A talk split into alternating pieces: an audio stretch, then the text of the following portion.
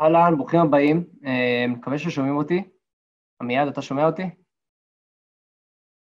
מצוין. אה, טוב, ברוכים הבאים. אה, תודה שאתם הצטרפתם, מצטרפים עדיין, גם בפייסבוק live וגם לצופים שלנו פה בוובינר בזום. אני עורך דין ג'וני גרין, אני מנכ"ל הפורום הישראלי למשפט וחירות. ביחד כאן נמצא איתי עמיעד כהן, מנכ"ל קרן תקווה בישראל. אנחנו פה בסדרת השיחות של כתב העת השילוח, שאנחנו דנים בסוגיות שקשורות בסדרה של מאמרים שונים שפורסמו בגיליונות שונים של כתב עת השילוח. היום אנחנו בעצם נדבר כהמשך של מאמר מאוד מוצלח שפורסם בהשילוח, בגיליון 9 של כתב עת השילוח, מאמר שנקרא האומנם שליש מילדי ישראל עניים, מאמר אה, פרי אה, עיתו של עמיעד כהן. אה, המאמר עצמו דן בדוח העוני של הביטוח הלאומי. אנחנו כאן לא נסכם את המאמר ואנחנו לא נדון במאמר, במאמר עצמו, אנחנו נתייחס אליו פה ושם. אני ואנחנו ממליצים בחום לכולכם לקרוא את המאמר, להיכנס אליו, אפשר לחפש אותו בגוגל, הוא גם נמצא בתוך הפרסומים של האירוע הזה, וגם אנחנו נשים אותו בתגובות בפייסבוק live. אז את המאמר עצמו שווה קריאה בפני עצמו. היום אנחנו אה, אה, נדון גם אה, במאמר עצמו, אבל גם באיזשהו המשך של המסקנות של המאמר. באופן מאוד מאוד כללי, המאמר בעצם דן, כמו שאמרתי, בדוח העוני של הביטוח הלאומי. המאמר מסביר למה לא ממש מדובר בדוח עוני בשום צורה, הוא לא, הוא לא מצליח למדוד עוני בשום צורה, אה, אה, הוא לא אה, בסיס טוב לקבלת החלטות ולקביעת מדיניות ללחימה בעוני, גם הדברים שהוא כן מנסה למדוד, שהם אולי איזושהי גרסה, גרסה כלשהי של אי שוויון, לא כל כך ברור אם הוא מודד אותו בכלל, ובכלל אם יש מה לעשות עם זה, ומה, רע בזה, אבל זה ממש על קצה המזלג, וקריאת המאמר היא מומלצת ביותר. אני עכשיו אה, אעביר אה, אה, את השיחה לעמיעד כהן. באופן כללי, מה שאנחנו נעשה זה, זאת תהיה איזושהי שיחה פתוחה, עמיעד יציג טיעונים שונים, נקודות שונות, אני אשתדל לוודא גם שאני מבין אותו כבר שיחה, וגם מדי פעם אני אשתדל להיות פרקליט לשטן, וקצת להתווכח עם עמיעד ולנסות להצביע על בעיות שונות או פגמים שונים בטיעונים שלו. אז אני חושב שאפשר להתחיל. בבקשה, עמיעד. טוב, אז שלום לכולם. נעים מאוד. אמ, המאמר אמ, מדבר בעצם על סוגיה מאוד משמעותית בחברה הישראלית. הסוגיה של עוני, ובעצם הרצון לעזור ולטפל בעניים, היא סוגיה יסודית. אמ, עם ישראל לאורך כל שנותיו התעסק עם סוגיה של איך עוזרים לחלשים בחברה, והסוגיה היא קריטית. הטענה המסכמת של המאמר בשורה התחתונה היא שדוח העוני במתכונתו הנוכחי, מדידת העוני במדינת ישראל במתכונתה הנוכחית, בעצם מונעת טיפול אמיתי אה, בעניים. אבל אני עכשיו ברשותכם אשתף מסך, ואני אציג את התיאוריה בצורה מסודרת, ומשם אני אתגלגל. אז קודם כל, אה, התמונה שמופיעה פה במסך הראשון היא של אה, רובין הוד. רובין הוד היה, זה סיפור שמדבר על אדם שגונב מהעשירים ונותן לעניים. הסיפור של העוני במדינת ישראל הוא סיפור בעצם של מדידה של משהו מסוים, שהנגזרת שלו היא העברה של כספים על ידי מיסים דרך הביטוח הלאומי, אבל לא רק, גם דרך אה, מיסים של אה, הציבור בישראל, דרך המיסים הרגילים, אה, וחלוקה מחדש אה, של העושר. רק בשביל לסבר את האוזן, המספרים הם אה, מטורפים. במדינת ישראל בשנת 2018, המספר של אה, הכסף שהשקענו דרך הביטוח הלאומי בשביל לטפל בפערים חברתיים, ואני אסביר אחר כך את המושג פערים חברתיים בניגוד לעוני, עומד על 84 מיליארד שקל בשנה אחת. אה, בסיכום שנתי של עשר שנים, מ-2009 ועד 2018, המספר הסופי שהשקענו כמדינה, אה, כחברה, בטיפול בפערים חברתיים, עמד על 683.5 מיליארד שקלים. המספר הזה הוא מספר גבוה אה, אה, בצורה די אה, מעוררת השתאות. רק בשביל לסבר את האוזן, תקציב המדינה השנתי עכשיו עומד על קצת יותר מ-400 מיליארד שקל בשנה אחת על כל ההוצאות, על כל ההוצאות, ומדובר פה בסכום של 1.6 אה, פי 160 אחוז, בסדר? של, מהתקציב, אחד וחצי אה, אה, מהתקציב השנתי של מדינת ישראל. רק בשביל לסבר את האוזן, הרכבת בין ירושלים לתל אביב, פרויקט גרנדיוזי, לאומי, שהושקע בו כמעט עשר שנות עבודה, עלה שבעה מיליארד שקל, שזה אחוז אחד ממה שהשקענו בטיפול בעניים. הטיפול בעניים במדינת ישראל היא סוגיה חשובה וצריך להשקיע בה כסף. השאלה זה כמה ואיך, ומדידת העוני היא, היא עיקרון יסודי בדבר הזה שמספר את הסיפור של כמה עניים יש במדינה. אמ, יש מדדים שונים לגבי כמה אנשים מרגישים עניים וכמה אנשים חושבים עניים, ואחד הסיפורים המעניינים שם זה שכולם אומרים שהמצב שלי טוב, אבל יש אנשים עניים אחרים. מה שמראה על תחושה מאוד סולידריות ואחווה בחברה, אבל הסיפור האמיתי במספרים הוא קצת אה, יותר מורכב. אמ, אם נתייחס למאמר, המאמר בשורה התחתונה מגדיר איך מודדים היום עוני בישראל. ההגדרה של עוני היום בישראל עומדת על חצי מההכנסה החציונית. בקצרה, אמ, יש, לוקחים רשימה של כל המשכורות מהמרוויח הגבוה ביותר ועד המרוויח הנמוך ביותר, לוקחים את חצי מהרשימה, ואחר כך מחלקים את החצי התחתון לשניים, מי שמרוויח פחות מהאמצע של החצי התחתון, מחצי מההכנסה החציונית, הוא מוגדר כעני. החלוקה הזאת מתחלקת לא רק לפי מכניס ההכנסה, אלא לנפש תקנית במשק בית, זאת אומרת, משפחה עם ארבעה ילדים צריכה להכניס אה, בעצם ארבע פעמים סכום כסף של חצי מההכנסה החציונית, ויש טבלה שמסדרת שבעצם כל ילד נוסף שנוסף הוא לא נוסף בן אדם שלם, כי בסוף הדירה מתחלקת באותם אנשים, זה מה שנקרא נפש תקנית. אז ככל שיש לך יותר ילדים, כל ילד עצמו עולה פחות. אמ, אז יש טבלה כזאת שמסדרת את זה, ואז במדינת ישראל אמ, יוצאים המספרים שבעצם סדר גודל שבין 20 ל-25 אחוז מהאוכלוסייה נמצאים מתחת לקו הזה.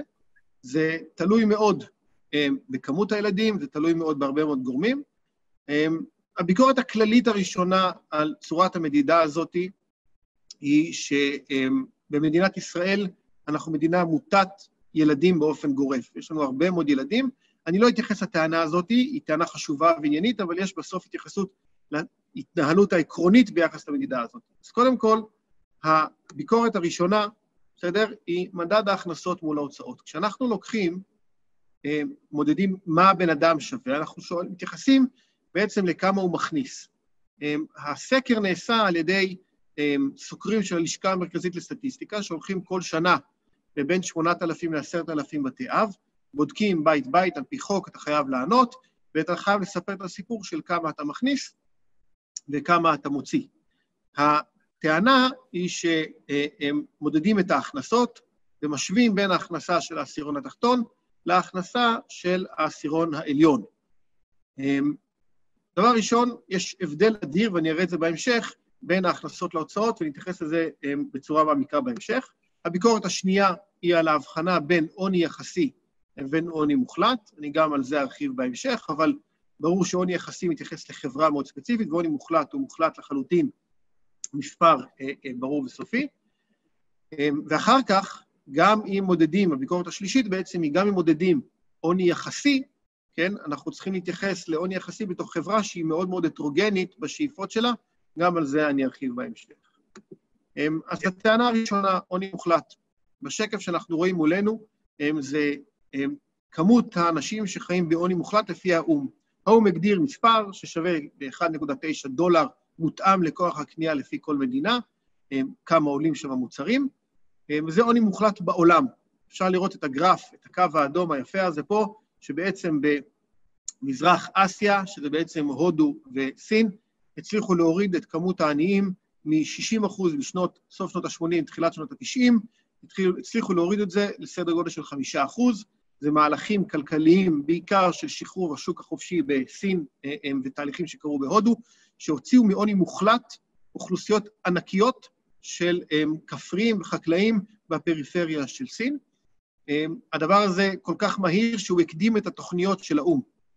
אם אם הגרף הזה מסתיים ב-2013, יש גרפים יותר מאוחרים של 2019 ו-2020, שבעצם האנושות הצליחה להוציא מעוני מוחלט. את רוב מוחלט של האנושות, בין 90 ל-95 אחוז מהאנושות, לא נמצאים כבר בעוני מוחלט. הנתון הזה הוא חשוב כי... אנחנו מדברים על עוני מוחלט. אנחנו בעצם מדברים על אנשים שממש עניים מרודים, שרעבים ללחם. אה, כן, אנשים ש...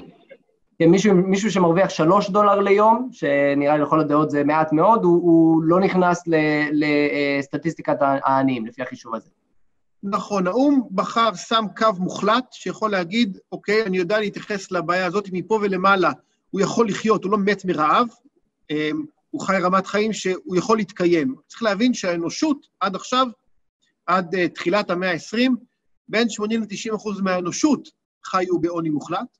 מה שקרה מתחילת המאה ה-19 ועד ימינו זה שהשפע הכלכלי של העולם צמח באופן דרמטי, גם האוכלוסייה גדלה באופן משמעותי, ובלי, ולמרות שזה דברים שלכאורה היינו חושבים שהם סותרים, האוכלוסייה גדלה אה, והעושר גדל אבל לא מספיק, העושר גדל מספיק בשביל גם לאוכלוסייה שהכפילה את עצמה במכפלות של שמונה כמעט, וגם להוציא את כולם מהעוני המוחלט.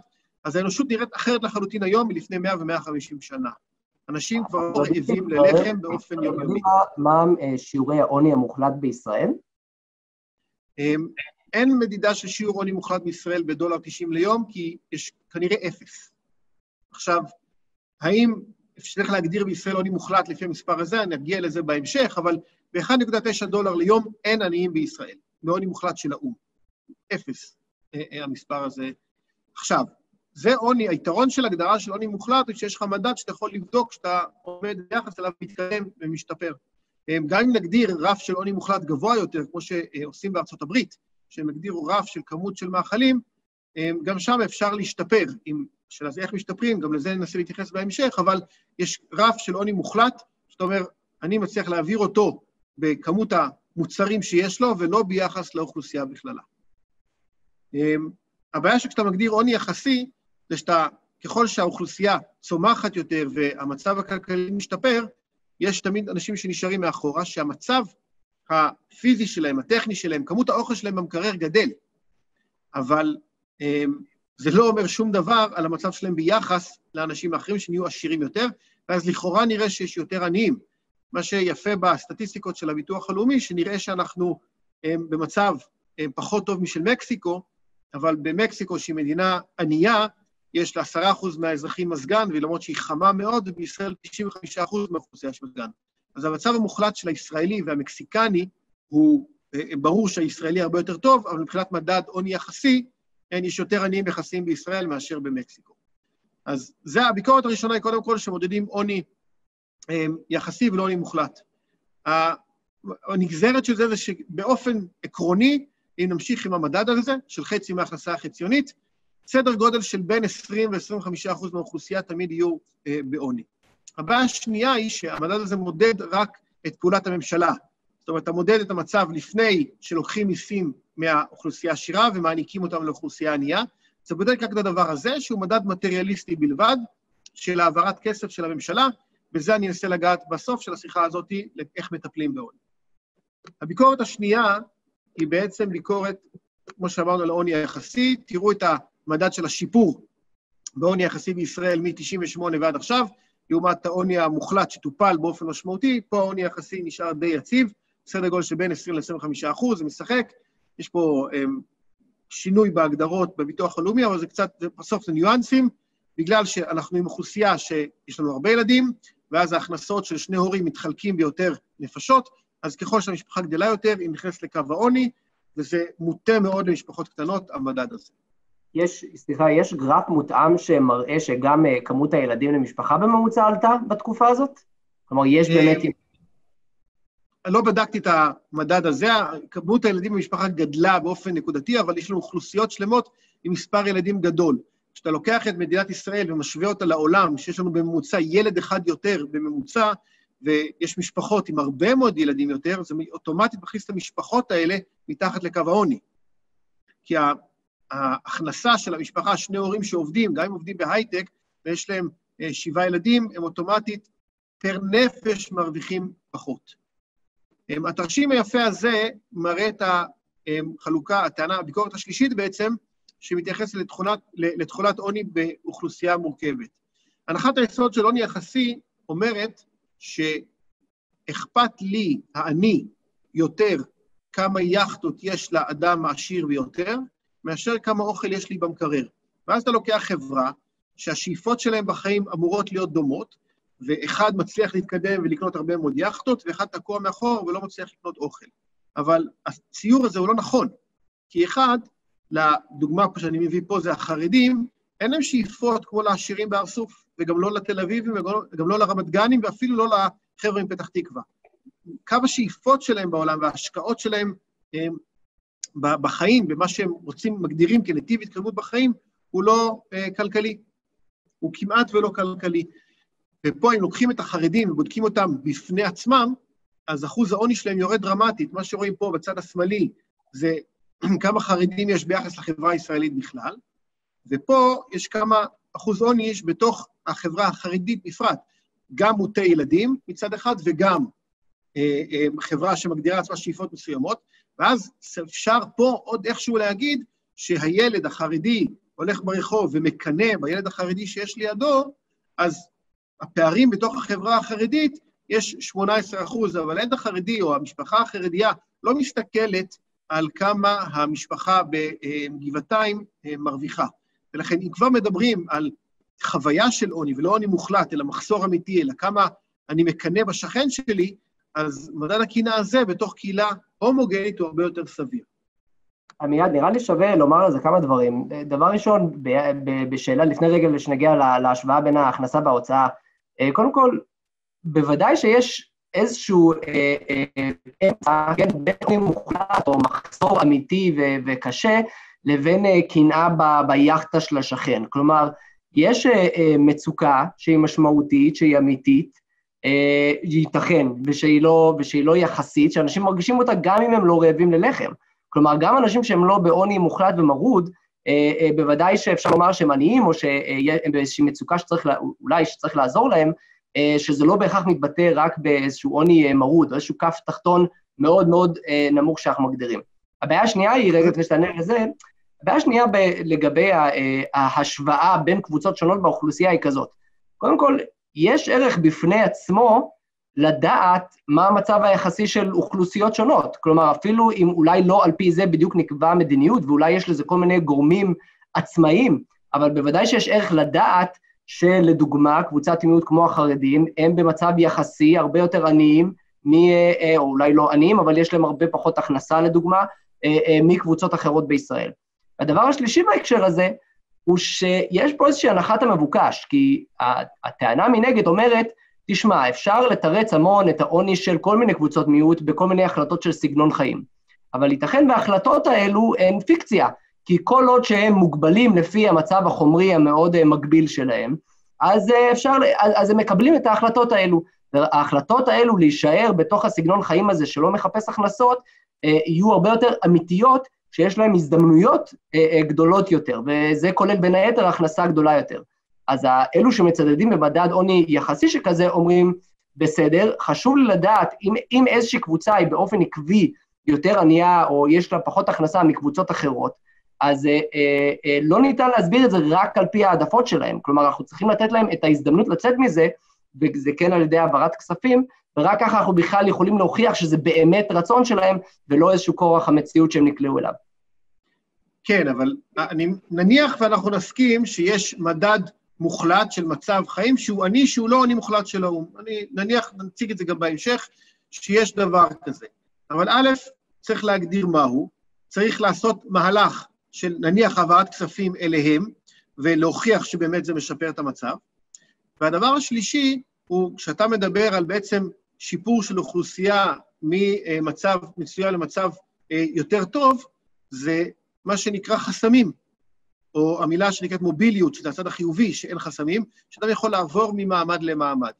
מוביליות קשה למדוד, לכן גם לא התייחסתי לפה במצגת הזאת בסוגיה של מוביליות, כי קשה מאוד למדוד אותה, כי היא קשורה לבחירות, ובחירות, קשה להגיד למה אדם בוחר בדבר כזה או אחר, אבל אמ, למשל, דוגמה שנתת גם, החברה החרדית, אדם בוחר להמשיך את דרכו של, הורה, של ההורים שלו להיות תלמיד, אמ, יש הרבה מאוד סיבות, אבל בסוף הוא בחר בזה, והשאלה זה אם הוא יבחר עכשיו בחירה שונה, מהם הסיכויים שהוא יצליח לצאת מהמצב שלו.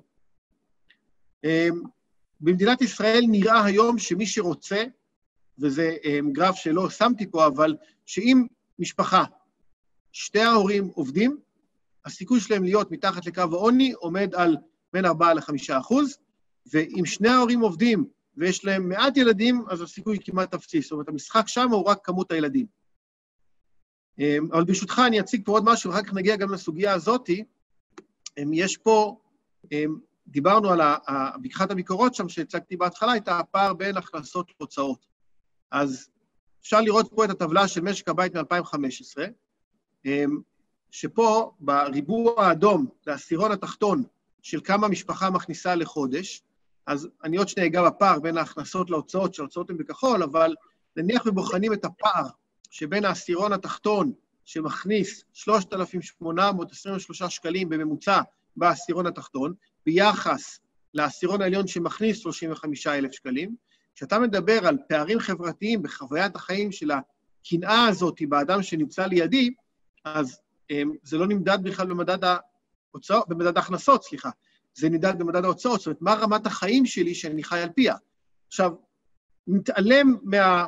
הפער הזה בין ההכנסות להוצאות, לרגע, אני אתייחס לזה עוד שנייה, אבל הפער בהוצאות של המשפחה, בין העשירון התחתון לעשירון העליון, הוא הרבה יותר קטן. אם הפער כמעט פי עשר בין ההכנסות של העשירון התחתון להכנסות של העשירון העליון הם פי עשר בהכנסה נטו, בעשירון התחתון והעשירון העליון בהוצאות הוא רק פי שלוש. זאת אומרת שברמת החיים בפועל, העניים ביותר במדינת ישראל חיים רק שליש מרמת החיים של העשירון העליון. והפער הזה הוא לא דרמטי כמו שמציירים אותו. אז מדד ההוצאות, בסוף זאת רמת החיים בפועל שלך. 15,000 שקל שהעשירון העליון חי, מרוויח יותר, לא משפיע על אופן החיים שלו. וכשנכנסים לדוח של הלמ"ס, על מה הפער בהוצאות בין העשירון התחתון לעליון, הוא מתבצע בעיקר על רכבים, על החזקה של בית ועל טיסות לחו"ל ונופשים. זאת אומרת, יש שם הרבה דברים שהם מותרות ולא רמת חיים בסיסית, ואנחנו מדברים על ההבדל בין העשירון התחתון לעליון. אבל אם ניקח את העשירון השני והעשירון התשיעי, הפער עוד הרבה הרבה יותר קטן בין העשירונים. הפער בין ה... שאלה בעניין הזה, כשאנחנו מתמקדים בהוצאה במקום הכנסה, ולא דיברת על זה, אתה מדבר על זה גם יותר במאמר עצמו, שבעצם גם uh, בגלל שזה סקר, זה לא בדיקה uh, אמיתית או, או uh, אובייקטיבית בהכרח של הכנסות והוצאות, זה בעצם לפי מה ששואלים אנשים, אז מטבע הדברים יש להמון אנשים גם uh, uh, אינטרס אה, לצמצם יותר את ההכנסה המדווחת ולנפח יותר את ההוצאה המדווחת, אז ברור שזה לא אמין אה, מדי, או לפחות שאולי הוצאה יותר אמינה מה, מההכנסה כמספר. אבל יש פה שאלה אחרת. אה, הוצאה, מדידת הוצאה בעצם לא לוקחת בחשבון את המגבלות שיש על, על משפחות ועל אנשים עם פחות הכנסה. כלומר, יכול להיות שההוצאה היא יותר נמוכה בגלל שיש להם פחות הכנסה ויש להם פחות אמצעים, ואז אה, אה, הם לא יכולים להוציא את הכסף או להוציא משאבים על דברים שבאמת אה, נצרכים להם. אז יכול להיות שהפער הזה הוא, הוא אמנם כביכול פער יותר קטן, אבל יכול להיות שהוא בדברים הרבה הרבה יותר אקוטיים. כלומר, יכול להיות שאומנם חסרים רק אלף או אלפיים או שלושת אלפים שקל להוצאה, אבל אל, אלו סכומים קריטיים כדי לחיות את הרמת חיים שנדרשת להם. אז עוד פעם, יש עניים במדינה וצריך לעזור להם. התשובה היא חד משמעית, יש בעיות ואני מוכן להגדיר שקו העוני המוחלט אמ, יהיה גבוה יותר מקו העוני של האו"ם באופן דרמטי. אין בעיה להגדיר את זה, אבל צריך להגדיר קו מוחלט וצריך להגדיר קו של הוצאות ולא של הכנסות. אלה שתי הטענות המרכזיות פה בסיפור הזה. ומה שאתה הסברת בהתחלה זה הפער בין ההכנסות של המשפחה לבין ההוצאות שזה פער של 4,000 או 3,800 שקל בחודש, אמ, זה פער שאי אפשר להסביר אותו למעט אה, שוק שחור, זה מופיע בשלושת העשירונים התחתונים, אמ, למעט שוק שחור, הכנסה שחורה, כי אי אפשר לחיות בדפיציט קבוע שעשרה אחוז מהאוכלוסייה לוקחת הלוואות של 4,000 שקל בחודש, זה לא קיים. אי אפשר לחיות ככה. אז זה לא, או זו הכנסות ממקורות אחרים, או תמיכה הורית, כל מיני אפשרויות אחרות שלא לא מתגלות פה. אי אפשר אחרת להסביר את הפערים האלה. אה, ולכן כנראה שהמדד האמין יותר באמת הוא מדד ההוצאות. זה עוד טענה, עוד חיזוק לטענה של למה מדד ההוצאות הוא חשוב. אה, יש אה, שני בלוגרים בפייסבוק בשם עידן ארץ ותום שדה שעשו ניסוי מעניין מאוד לגבי לנסות להגדיר עוני מוחלט בישראל לפי מדד ההוצאות, שהגדירו קווים שרירותיים ששרירותיים באותה מידה בדיוק כמו חצי מההכנסה החציונית, שהם הגדירו סכומים, כמה אנשים חיים מתחת ל-1,500 שקל בחודש לנפש תקנית, כמה אנשים בישראל חיים מתחת ל-3,000 אה, חודש לנפש תקנית, וכמה חיים מתחת ל-4,500. עכשיו, אפשר לראות פה את המספרים היפים, שב-1997 30 מהאוכלוסייה חיה מתחת ל-4,500 שקל לנפש תקנית. אבל המצב השתפר באופן דרמטי, כמעט ב-50 אחוז, שהמצב שלהם השתפר ועבר מעל הקו העוני המוחלט הזה, שכמובן ש-4,500 שקל לנפש תקנית הוא הרבה יותר מ-1.9 דולר ליום, שזה סדר גודל של 170 שקל אה, בחודש. אנחנו מדברים על בין פי 10, שזה 0.7 אחוז מהאוכלוסייה, אה, לפי 30, שזה 15 אה, אחוז מהאוכלוסייה. יש עוני, וזה בסדר גמור, כאילו, זו בעיה, צריך לטפל בה, צריך להתמודד איתה, השאלה זה איך, אבל הציור הוא בוודאי לא כמו שמצויר היום, בצורה שמייצרת עיוות ובעצם השקעה של משאבים אדירים, גם על ידי לקיחת מיסים וגם על נתינה לאנשים שלא, אה, הם צריכים את זה באמת ולא מטפלים בעוני. אנחנו משקיעים, המספרים שהראינו בהתחלה, צריך לחזור עליהם עוד פעם ועוד פעם. תקציב הביטחון הוא 60 מיליארד שקל, אנחנו משקיעים 87 מיליארד שקל לצמצום פערים. הבעיה היותר גדולה פה, ולא נג... לא אפשר להרחיב בזה בהמשך, ובשאלות, מי שירצה לשאול, זה אנחנו לוקחים הלוואות כדי לשלם את הדברים האלה. מדינת ישראל לוקחת הלוואות כל שנה בשביל לממן את התקציב שלה, וההלוואות האלה נופלות על הילדים שלנו. יש מאמר אה, ארוך, גם שפורסם בשילוח של עידן ארץ ושגיא לגבי הגירעון והחוב הלאומי. אנחנו בעשור האחרון הלווינו 350 מיליארד שקל. ה-350 מיליארד שקל האלה, אנחנו משלמים עליהם 40 מיליארד שקל בשנה ריבית. יש פה החלטות ארוכות טווח שאנחנו מקבלים כדי לטפל בדברים האלה. ולכן... אני חושב השאלה, אה, אנחנו כבר כמעט חצי שעה לתוך השיחה הזאת, ואנחנו עוד מעט נצטרך להתקדם אה, לשאלות מהקהל.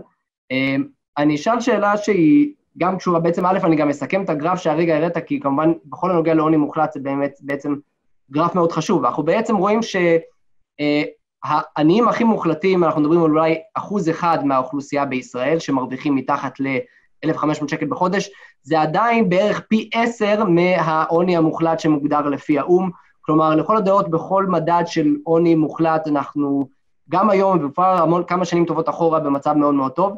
ואפילו בעוני שהוא לא מוחלט, אבל שהוא עוני, יח... אה, לא נקרא לזה עוני יחסי, אבל עוני פחות קשה, או, או, או קושי כלכלי, אה, של מי שמרוויח אה, פחות מ-4,500 שקל בחודש לנפש, זה עדיין ירד ב-20 שנים האחרונות מ-30% ל-15%, כלומר, אפילו באיזושהי הגדרה מאוד מאוד מאוד רחבה של עוני, זה לא מעל 15% מהאוכלוסייה, שאולי זה גבוה, אבל לא זה.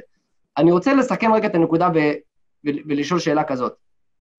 אוקיי, אז אמרנו, מדד העוני זה שם מאוד גרוע. זה בטח שלא מודד עוני. את זה נראה לי המון אנשים יכולים להבין. אז יש פה בעצם איזושהי אה, אה, הטעיה או, או, או חוסר דיוק, דיוק כשאנחנו מדברים על מדד עוני ו-25% מהאוכלוסייה וכל מיני דברים כאלה. זה א'. כמדד אי שוויון, או עוני יחסי, איך שלא תקרא לזה, אה, זה גם מדד מאוד מאוד פגום, מכל הסיבות שמנויות במאמר, ש... ושחלקן אה, הזכרת כאן, כי זה בודק הכנסה, כי זה רף שרירותי, כי זה לא לוקח בחשבון השוואה בין אוכלוסיות שונות עם, אה, עם סגנון חיים מאוד שונה ומטרות שונות.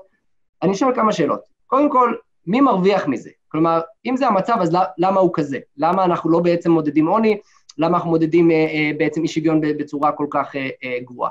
השאלה השנייה היא, אה, האם בחברה שהיא משגשגת והיא מצליחה, ברוך השם, כמו החברה שלנו, שאנחנו ב-OECD ואנחנו מצליחים, ויש לנו אה, אה, GDP לנפש מאוד מאוד גבוה ודברים כאלה, האם לא נכון שאנחנו נסתכל על עוני יחסי? כלומר, האם לא נכון לומר, בסדר, לפני אולי 50 שנה אנחנו באמת היינו צריכים לדאוג לגבי עוני אמיתי, אנחנו כבר, אנחנו כבר לא שם, אז חלק מההתפתחות שלנו כאומה וככלכלה הוא לא להסתכל רק על עוני מוחלט, אלא להסתכל גם על מי שיש לו קשיים כלכליים, גם אם הם לא רעב ללחם. ויותר מזה, בחברה משגשגת כמו שלנו, אפשר לומר שגם הקשיים היותר טריוויאליים כביכול, כן, של אה, אה, מוביליות או כל מיני ניסיונות אה, לפרוץ כל מיני חסמים וכאלה, אלה גם קשיים משמעותיים שאנחנו רוצים לפתור אותם. אז השאלה הראשונה ששאלת זה מי מרוויח מזה. אני תמיד, כשאני ניגש למדיניות ציבורית, יש דילמה, האם מדובר בחלם או בסדום. בפולישוק או בבית הקלפים. ברוב הפעמים ולדעתי גם פה זה קודם כל פולישוק. זאת אומרת, זה לא שמישהו חשב ואמר, בוא נעשה משהו ונגנוב את המדינה ונשדוד. זה מתחיל מרצון טוב, ולרוב חוסר יכולת להוציא אה, דברים. גם במאמר התייחסנו לדוח בבריד, שבא עם רצון טוב, אבל בסוף למדיניות ציבורית יש את הדינמיקה שלה. מומלץ בחום להרחיב ולקרוא את הספר של חוקי פרקינסון, שמדבר על הדינמיקה של מדיניות ציבורית, שהיא תמיד רוצה להוציא יותר. אה, הביטוח הלאומי הוא כוח משמעותי שיש לו תמריץ, ומי שמגדיר את ההגדרות של מי שמוציא כסף בביטוח הלאומי, אלה חברי הכנסת, שאין להם אחריותיות על הגירעון האקטוארי של uh, הביטוח הלאומי, אז הם רוצים להיראות טוב, והם מנסים לעשות טוב, והם באופן עקיף מייצרים רע, גם בטווח הקצר וגם בטווח הארוך. Um, והטווח הקצר זה כמובן גביית מיסים מהאנשים ולקיחת חובות מהילדים, וקריסה של הביטוח הלאומי שצריכה לשלם לאנשים שבאמת צריכים. ובמצב הזה שמשלמים מעט מאוד לאנשים שבאמת צריכים, ומשלמים הרבה לאנשים שלא צריכים, יש פה עיוותים מאוד מאוד משמעותיים בכל המערך של הביטוח הלאומי, וגובים הרבה מאוד מיסים ממי שלא צריך לגבות ממנו, או להוריד את זה בצורה דרמטית. אתה אומר פה נקודה חשובה שאני רוצה להדגיש אותה רגע, כי אני רוצה לוודא שגם הבנתי אותה. בעצם, מה שאתה אומר זה חלק מהבעיה, חלק מהרוע מה, מה, של המצב הזה, כי אפשר לחשוב, כלומר, אוקיי, בסדר, אז אנחנו אולי לא הכי מדייקים באופן שבו אנחנו מחלקים, אבל בסופו של דבר אנחנו לוקחים כסף ממי שיש להם יותר ואנחנו נותנים למי שיש לו פחות. אבל בעצם מה שאתה אומר זה שמוסד כמו הביטוח הלאומי הופך לאיזושהי פרה חולבת, מי, בגלל שאין הבחנה בין עניים ממש לבין קבוצות אחרות, אז עניים ממש לא מקבלים את מה שצריך, מה שהם יכולים לקבל כדי לעזור להם ולסייע להם, וכל מיני קבוצות אה, אה, אה, שכן יש להם, שלא צריכות את זה, וכן יש להם איך להרוויח מהמצב הזה, הן בעצם באות ומשיגות שליטה ומשיגות תקציבים מאוד מאוד גדולים וכאלה מהביטוח הלאומי. אני אתן דוגמה. הרפואה במדינת ישראל השתפרה ב-30-40 שנים האחרונות. הטכנולוגיה השתפרה ברמה שגם אנשים עם מגבלות כאלה ואחרות יכולים לעבוד היום, זה לא צריך ללכת לשדה ולעבוד ולחרוש, או לעבוד בבניין, אלא יש אפשרות לעבוד היום בעבודות עם הכנסה לא רעה היום, גם עם מגבלות כאלה ואחרות.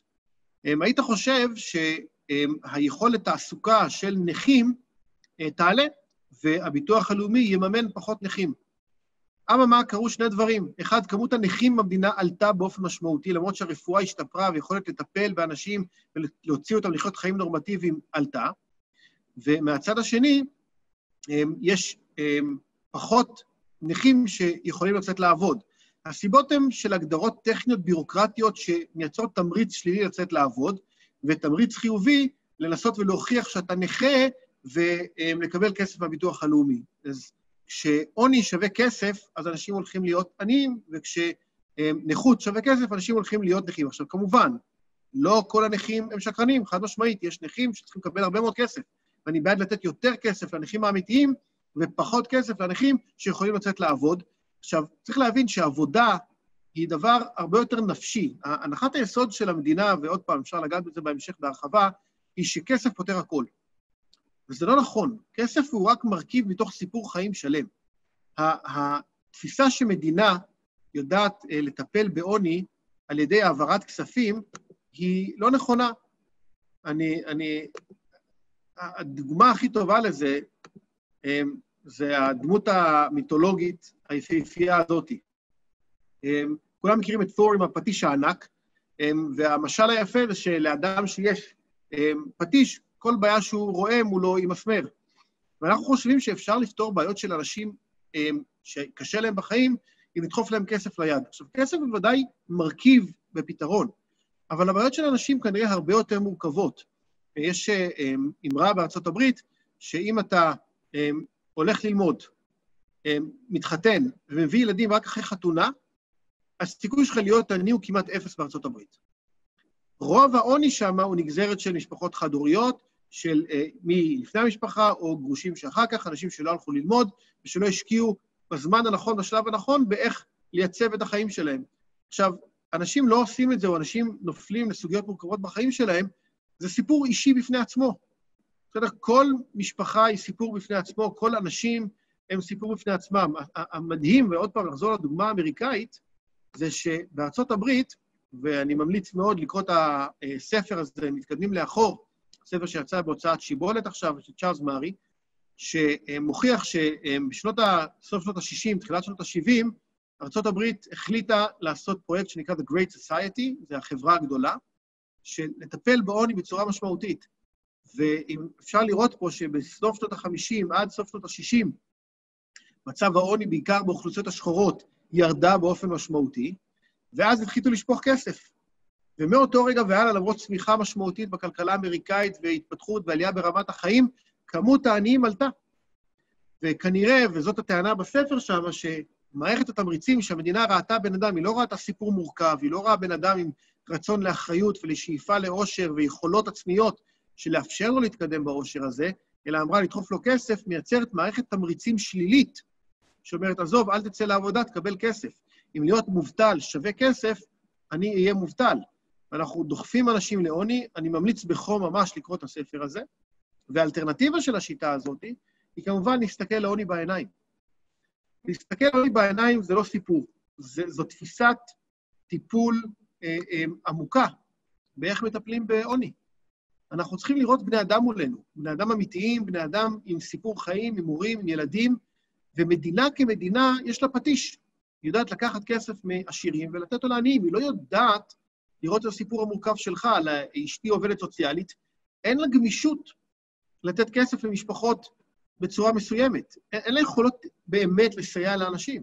הביטוח הלאומי מגדיר טבלאות, מגדיר אקסלים, הוא לא רואה בני אדם. וההצעה שלי פה, וזה, אפשר לדבר על זה מעכשיו, היא איך כן לטפל בעוני, וצריך וחייבים לטפל בבני אדם, לא במספרים. עמיעד, אני רק אומר שאני חושב שאפשר להציג את זה בצורה אחרת, שבעצם ההתמקדות הזאת במי ממש עני ומי הכי עני ומי עני מרוד או בקשיים ממש הפוך, כלומר, זה רק לראות את העניים שממש קשה להם ושהם באמת במצב הכי קשה, וזה לא לראות כנראה איזושהי אוכלוסייה לא קטנה, שכן במצב יותר קשה באופן יחסי משאר האוכלוסייה. כלומר, יש משהו בלא לראות בני אדם שהקשיים שלהם רק מסתכמים בזה שאין להם אוכל במקרר, אלא קשיים טיפה יותר טריוויאליים, שהם בכל זאת קשיים מאוד מאוד משמעותיים, ועם תסכול מאוד גדול, וחוסר יכולת אה, לפרוץ החוצה מכל מיני אה, אה, חסמים בתוך כל מיני סוגי עבודה וסוגי עבודה, וחוסר יכולת לרכוש השכלה ומקצועות יותר משמעותיים ודברים כאלה. ובעצם יש משהו ש, ש, שלא רואה את הבני אדם האלה, שהם דווקא אלה שלא הכי הכי קשה להם, אבל בכל זאת שיש, אה, הם במצב יחסי יותר קשה מאוכלוסיות אחרות. כן, ננסה להגדיר את זה הפוך. יש אנשים שמעל חצי מההכנסה החיצונית יש להם כסף, ויש להם קשיים אחרים שצריך לטפל בהם, שהמדינה לא יודעת לטפל בהם. שאחת הטענות המרכזיות בספר של צ'ארלס מארי, הוא אומר שכשהמדינה נכנסת, משהו אחר יוצא. תחשוב שנייה שאתה פותח את הדלת בבניין שאתה גר פה, ומולך יש משפחה. ואם אתה רואה משפחה שיש לה קושי, הדבר הראשון שאתה רוצה לעשות זה לעזור לה. אבל אז אתה שואל את עצמך, רגע, הביטוח הלאומי ישלם להם, מקבל דמי אבטלה, מישהו דואג לו. זה מוריד את המוטיבציה שלך לבוא ולעזור לו. ומוכח בארצות הברית, בספר היפהפה הזה, שככל שהמדינה מתערבת יותר, מה שקורה זה החברה מתפרקת. כי המדינה לוקחת אחריות על הקשרים החברתיים. עכשיו, קשר חברתי זה דבר שנבנה מהמון המון אינטראקציות. אינטראקציות בין אישיות, שאתה פותח את הדלת ואתה מחפש לראות את השכן ולעזור לו. אפשר לראות איך שעמוס עוז תיאר באחד הסיפורים שלו, שאיך הקהילה באירופה הייתה מלאת אחווה ועזרה הדדית, ועכשיו המדינה לא מצליחה לעזור לעניים. ברור, כי הקשר להסתכל לאדם בעיניים ולעזור, לפעמים זה רק בייביסיטר לעזור לו לצאת לעבודה. הבעיות הן הרבה יותר מורכבות מאשר מה שהמדינה יודעת לתת, וזה פוגע בטווח הארוך בחברה. וזה מפרק קהילות, שדווקא הקשיים בחברה הם דבר טוב, כי זה מייצר את החזקים בחברה להוציא מהם ברמה האישית את העזרה. אמ, אני, אני מזמין את המשתתפים, במיוחד המשתתפים פה בתוך ה-Webinar Zoom, אה, וגם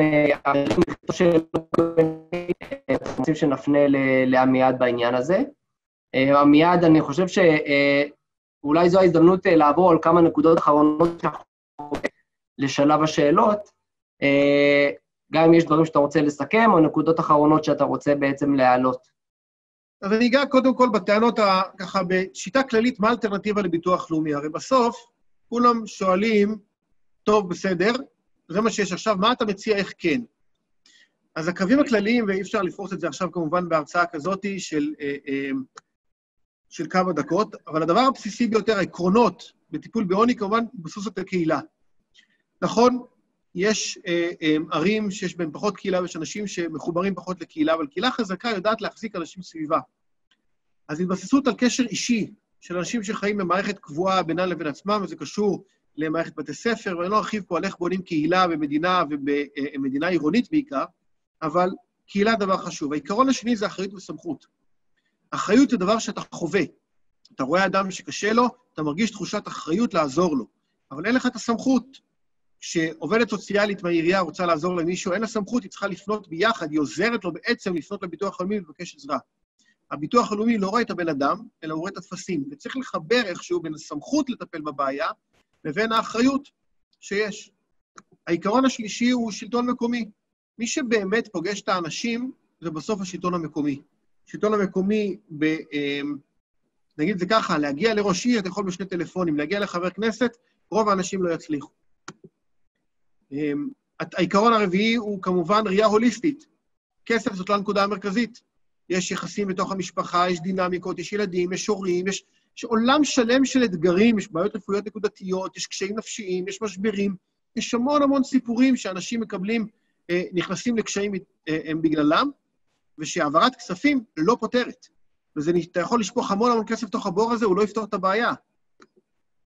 הדבר האחרון זה גמישות תפעולית. כשהמדינה מנסה לייצר התייחסות לנושא מסוים, היא מגדירה כללים וחוקים. ואתה לא יכול לבוא לתת לבן אדם, קח 100,000 שקל, לפתוח את החובות, תפרוס את זה על פני זה, והבן אדם השני צריך לקנות כרטיס אוטובוס כדי להגיע ללימודים, כדי להצליח אה, ללמוד ראיית חשבון. אה, אה, זה, זה, זה עולם שלם של גמישות שמתחייבת. העקרונות, סתם, זו תוכנית טנטטיבית שאנחנו עובדים עליה עכשיו פה, אבל זה בנייה של עמותות מקומיות. עכשיו, עמותה מקומית היא כי יש, הקהילה מחליטה שהיא רוצה לטפל באנשים שנמצאים סביבה, ובכל מקום יהיה דבר כזה. אתה מגדיר לתקציב של עד שלושה מיליון שקל שנתי, שהיא עמותה שמוגדרת כעמותת חסד, ו-20 אחוז שיקבלו משכורות, אין לי שום בעיה, אבל העמותה הזאת צריכה לצבור, לאסוף כסף מהקהילה שלה, והיא תקבל מהממשלה מאצ'ינג. על כל שקל שאתה מביא בקהילה, הממשלה תשלם לך שקל, פשוט תעשה מה שאתה רוצה עם הכסף. אה, כמובן, מחובר לרשות המקומית, והיא אמורה להחליף כל מערכת אחרת. ואז יש הרבה מאוד גופים שיקומו אלפי עמותות כאלה, ותהיה שם שחיתות, אין לי ספק בעניין, אבל השחיתות היא כאין וכאפס אמת הטעויות שקורות בביטוח הלאומי, והשחיתות שקורית באנשים שמשקרים לביטוח הלאומי, ולדעתי היחס עלות תועלת, זאת אומרת, על כל שקל שאתה משקיע, כמה אתה מטפל בבעיה אמיתית, הוא הרבה יותר גבוה אה, אה, במודל הזה. עוד פעם, זו סקיצה כללית על איך כן לטפל בעוני, ולא לספר סיפור על עוני ענק וצריך לשפוך עוד המון המון כסף לתוך הבור האינסופי הזה. מה שאתה מציע זה שקודם כל להתמקד בעוני האמיתי והקשה יותר, בצורה שהיא, כמו שכתבת, אה, אה, מקומית יותר וממוקדת יותר וגם מבוזרת יותר ויותר שליטה קהילתית מקומית. ובאמת זה בעיה, יש קהילות שהן עשירות יותר ושהן עניות יותר, וככה קהילות שהן יותר עניות לכתחילה, אה, ייתכן מאוד והן לא יצליחו אה, אה, אה, להיעזר אחד בשני, כאשר הקהיל, הקהילות העמידות, אז הם יוכלו לממן את אה, אותם כמה אה, אה, ברי מזל שמספיק קרובים אליהם, שאולי הם קצת פחות עשירים. אמ, הטענה הזאת נשמעת הרבה, וגם בספר של צ'ארלס מיורי מתייחס אליה. הוא טוען שהחוסן הקהילתי אולי לא מאפשר פתרונות של אה, משפחה שנפלה לחוב של 100 אלף שקל ואפשר כולם להציל אותו, אבל החוסן הקהילתי נותן את הפתרונות האחרים.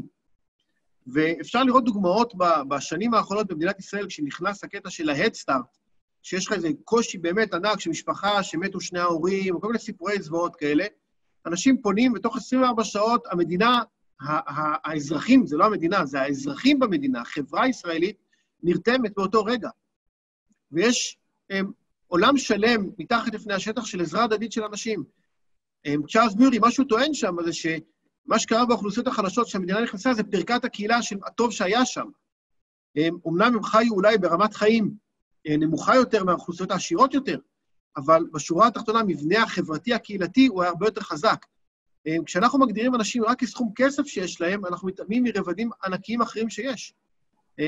ואני טוען שהחברה החרדית, עם מעט המשאבים שיש לה, מצליחה לפתור הרבה מאוד בתוך הקהילה. סתם לסבר את האוזן, כסף שבחור, שאדם חרדי, משפחה חרדית, תורמת לצדקה ביחס למשפחה חילונית, אם אני לא טועה, המספרים הם בערך פי עשר, למרות שההכנסה שלי היא הרבה יותר נמוכה, בממוצע כמובן. זה, על פי דיווחים למס הכנסה ודברים כאלה. זה מספרים מטורפים. החברה הענייה ביותר תורמת הכי הרבה. זה, אני חושב שזאת הנקודה הכי מעניינת למחשבה. בסדר גמור. יש פה אה, שאלה מה, מאחד מהמאזינים, שאני חושב שכיסינו את זה בצורה כזו או אחרת אה, באופן חלקי, אבל אפשר להתייחס בכל זאת קצת יותר אה, אה, בפירוט. אה, השאלה שנשאלה היא שבאמת, כמו שאמרת, יש המון, אה, כבר היום יש המון ארגונים ועמותות ש, שהמטרה שלהם היא לעזור לעניים, והשאלה היא, אם, אם המדינה תפסיק לחלק לכל, לכל ה... אה, אה, לחלק ישירות כסף לכל מיני קבוצות ולאוכלוסיות, אם אותם ארגונים בעצם ייכנסו לאותו ריק, ואז בעצם המצב יישמר כמו שהוא, אולי הוא אפילו יחריף. ואיך היית מציע לאזן בין המדינה לארגונים האלו, בלי שיגרם נזק? אני חושב שבאופן חלקי כבר ענית על זה, אבל אפשר להתייחס בקצרה. הארגונים החברתיים הם דבר חשוב מאוד. המגזר השלישי הוא מגזר חשוב מאוד. המדינה כבר היום, לדעתי באופן חיובי, אבל יש הרבה ביקורת על זה, באיזושהי צורה מפריטה את הכספים שלה לעמותות מקומיות, את השירותים שהיא נותנת. כי עוד פעם, העמותות האלה רואות סיטואציה ויודעת לפתור אותה באופן נקודתי. הטענה שלי שפה עולם העמותות יתרחב באופן משמעותי ויגדל, ותהיה עמותה לכל סיטואציה קטנה, תהיה עמותה לעזור לאנשים כאלה ואנשים כאלה, ושבאות ומתוך מוטיבציה אישית יבואו לפתור לבן אדם הזה את הבעיה. עכשיו, הם גם יכולים לעלות הרבה יותר על בעיות מורכבות וגם על שקרים בסוף. כי אתה פוגש בן אדם, פעם אחת אתה נותן לו, ואתה נותן לו לפעמים, אה, אה, אה, לפעמים ליפול, ויש לך את היכולת לקבל את ההחלטה הזאת, כי אתה יודע שאם לא, הוא לא ייפול, הוא לא יקום. זה החלטות שהן קשות, אבל כבן אדם שרואה בן אדם בעיניים, יותר קל לקבל את ההחלטות האלה. יש פה שאלה מעוד מאזינה, שבעצם מחולק לשתי שאלות, כן? יש uh, שאלה שהתייחסנו אליה קצת, שזה איך, איך אנחנו שופטים מי כן אני. כלומר, ברור שאם אנחנו עולים להגדרה של... אפילו הגדרות אחרות של uh, כאלה ואחרות, איך אנחנו בעצם כן מגדירים מי, מי אני, איך אנחנו מותחים את הקו הזה. והאם לא נכון שזו כן תהיה הגדרה יחסית, כמו שאמרנו קצת לפני, כמו שהיא שאלה, כן, ילד שאין לו טלפון, הוא הופך למנודה וכולי, אז יש פה עצם זה שאנחנו חברה משגשגת, האם זה לא דורש מאיתנו אה, לקבוע עוני שהוא יחסי, או, או אפילו עוני מוחלט, אבל שהוא לא רק לפי אותה אה, הגדרה אה, יבשה. ובנוסף, שאלה של מניעה מירידה לעוני, כי יש אוכלוסיות שהן באיזשהו מצב גבולי, שגם אם אנחנו לא מגדירים אותם כעניים, יש לנו אינטרס לתת להם איזשהו סיוע, כדי, כי אנחנו חוששים בעצם שהם כל הזמן באיזשהו פוטנציאל של ירידה מתחת לקו העוני. אז זה בעצם איזשהו טיפול מניעתי, וקצת אין ברירה אלא אה, לפזר מאוד ו- וקצת לראות כזה בחושך אה, כדי לעשות את הטיפול המניעתי הזה. אמ, אז ככה, הטיפול המניעתי הכי טוב אמ, לירידה לעוני זה צמיחה. ככל שהחברה עשירה יותר, ככה העושר מתפזר, לא בצורה שוויונית, אבל הוא בוודאי שמתפזר בין האנשים. ככל שהשכר הממוצע עולה, אנשים יכולים לשלם יותר. אפשר לשלם יותר לפלאפל, אפשר לשלם יותר למנקה. אנשים צריכים יותר מנקות, נניח שמנקה זה המקצוע שכל אחד יכול לעשות, גם אם הוא אה, אה, עני מוחלט ואין לו עבודה. להיות מנקה או מנקה, כן, זו עבודה אה, שאפשר להרוויח בה לא מעט כסף, היום אתה עובד קשה. וככל שהחברה יותר עשירה, אפשר יותר לעשות את זה, ויש יותר ביקוש לעובדים, ובעיקר כשהחברה משגשגת יותר, יש יותר ביקוש לעובדים לכאורה לא מוכשרים, כאלה שאין להם תואר ואין להם פה, יש יותר ביקוש להם והמחיר שלהם עולה. היה סיפור לפני כמה שנים שנתניהו התווכח עם סילבן שלום, לדעתי זה היה, ואמר לו שהבן שלך יהיה נפח. אמ, וישר בדקתי כמה השכר הממוצע של נפח, וזה היה 15,000 שקל בחודש, ונפח לא צריך תואר. זה מקצוע די יחסית פשוט, לא מקצוען בתחום הזה, אבל זה כאילו מקצוע יחסית נחשב פשוט, ומרוויחים בו לא רע יחסית לשכר הממוצע במשק. עכשיו, זאת הגדרה של איך מונעים נפילה לעוני. אמ, אז אחד זה הדבר הזה. שתיים, קשר קהילתי הוא קשר שרואה את הבן אדם ומייצר קשרים קהילתיים. אתה רואה את הבן אדם גם לפני שהוא נופל. כשאתה רואה זוג שמתגרש, עכשיו אנחנו נמצאים בתקופה אה, מאוד מאוד מאתגרת. אמ, מי שחי בקהילה, ונכון, אה, אמ, לא כולם חיים בקהילות, אבל זה קשור אחד בשני, מה גרם למה, האם פירוק הקהילה זה בגלל המדינה וה... שנכנסה לרווחה ולמערכת החינוך ועוד הרבה מאוד דברים, או האיור הוא זה שגרם לזה, זו סוגיה מעניינת אחרת, אבל מי שחי בקהילה היום מסתכל על השכן שלו שיצא לחל"ת וניסה לעזור לו. וזה קורה היום בקהילות, אני רואה, אני שומע הרבה מאוד סיפורים כאלה, וגם, בעיקר במשבר כמו שיש לנו עכשיו. החוסן של הקהילה לא רק מוציא את האנשים מעוני, אלא גם יכול לעזור להם. עכשיו, זה גם מאפשר, יש עמותות היום אה, מאוד מאוד טובות, הבולטת ביותר היא כמובן עמותת פעמונים, שבאה ועוזרת לאנשים אה, לטווח ארוך, לשינוי התנהלות. ועוד פעם, ברגע שאתה רואה בן אדם, אתה יודע לעזור לו בטווח הארוך. הביטוי הנדוש של אה, חכות ודגים, אז לא לכולם אפשר לתת חכות. חכות ברמה של בוא תתפרנס ותחזיק מעמד. אבל ודאי שאפשר לתת חכות ברמה של אל תחיה ברמה לא סדורה, תנהל את הפנסיה שלך בצורה טובה, כל מיני עצות שאפשר לעשות גם לאנשים שמרוויחים מעט מאוד, ולנסות למצוא מקורות הכנסה נוספים. ותמיד, כן, יש כסף שצריך להעביר באופן פיזי לעני, אין מה לעשות. יש אנשים במצב קשה כזה, אבל צריך לוודא שהכסף שהולך, הולך בשביל לשפר באמת את המצב כמה שיותר בטווח הארוך ולראות את האתגרים הספציפיים של אותו בן אדם. ואנשים הם שונים ואנשים הם מורכבים, וצריך להתייחס לכל בן אדם בצורה שונה ולסיפור שלו האישי. אמ, אני חושב שיש לנו זמן לשאלה אחת אה, אחרונה, ואז אה, כדאי שנסיים. אה, שאלה שנשאלה פה, שאני חושב שהיא מאוד, מאוד חשובה,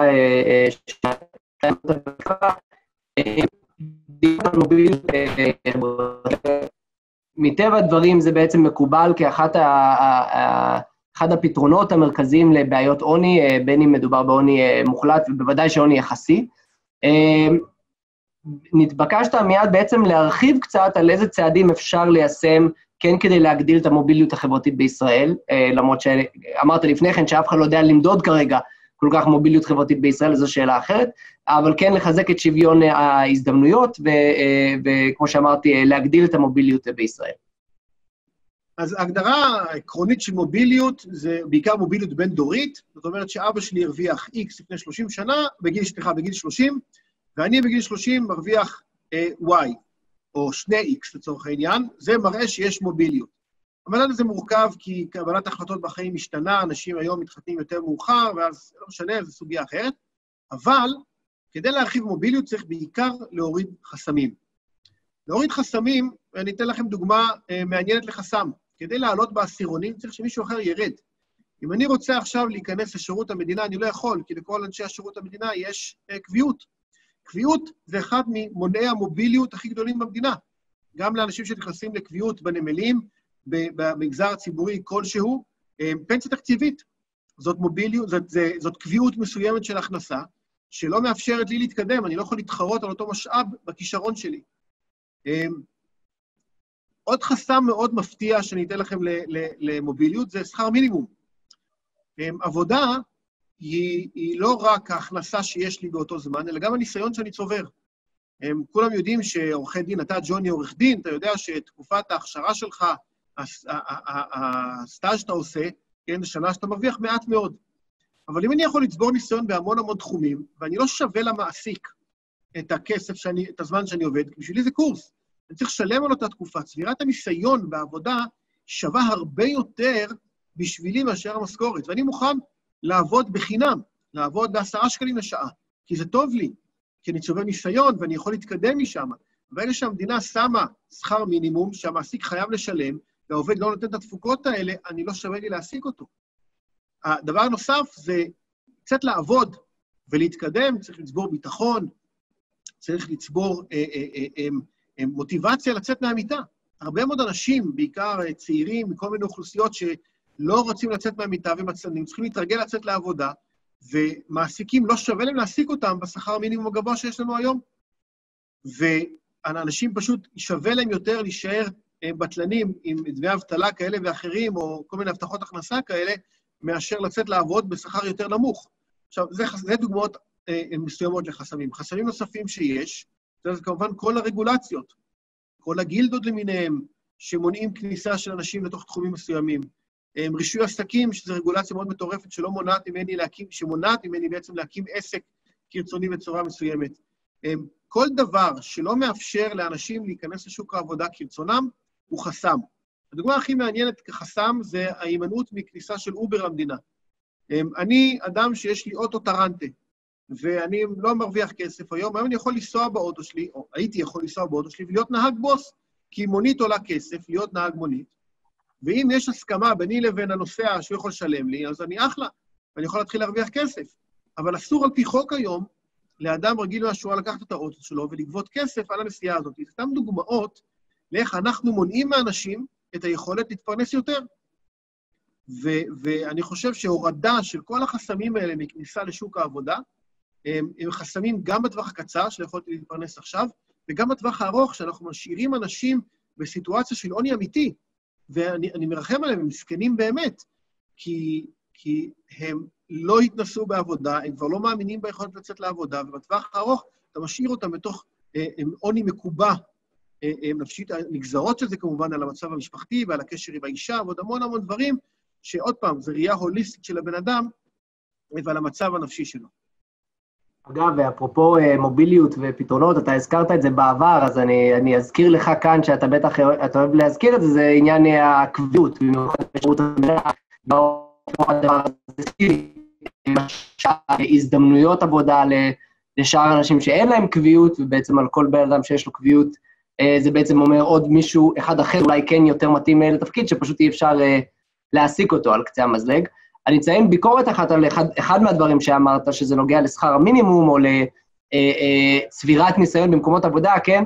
זה כרגע יש איזושהי בעיה הפוכה, כן? בלא מעט מדינות מפותחות, גם בארצות הברית, במקומות כאלה, שבעצם יש כל מיני summer internships, כל מיני התמחויות קיץ וכאלה, שאנשים הולכים ובאמת עובדים חינם וככה צוברים ניסיון חשוב.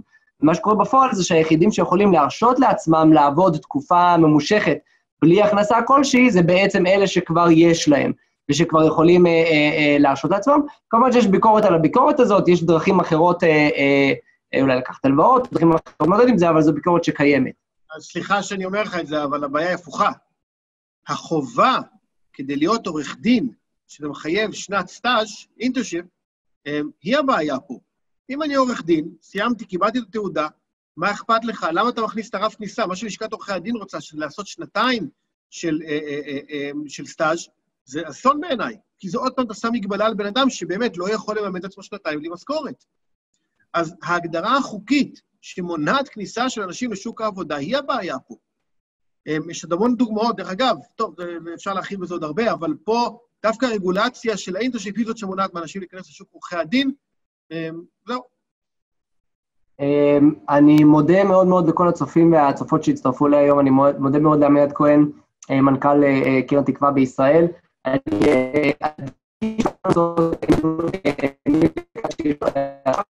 המאמר הזה של עמיעד בגיליון תשע. אמ, עמיעד, אתה רוצה להוסיף משהו? תודה רבה, ומוזמנים לעשות מנוי לשילוח. תודה רבה לכולם, ערב טוב.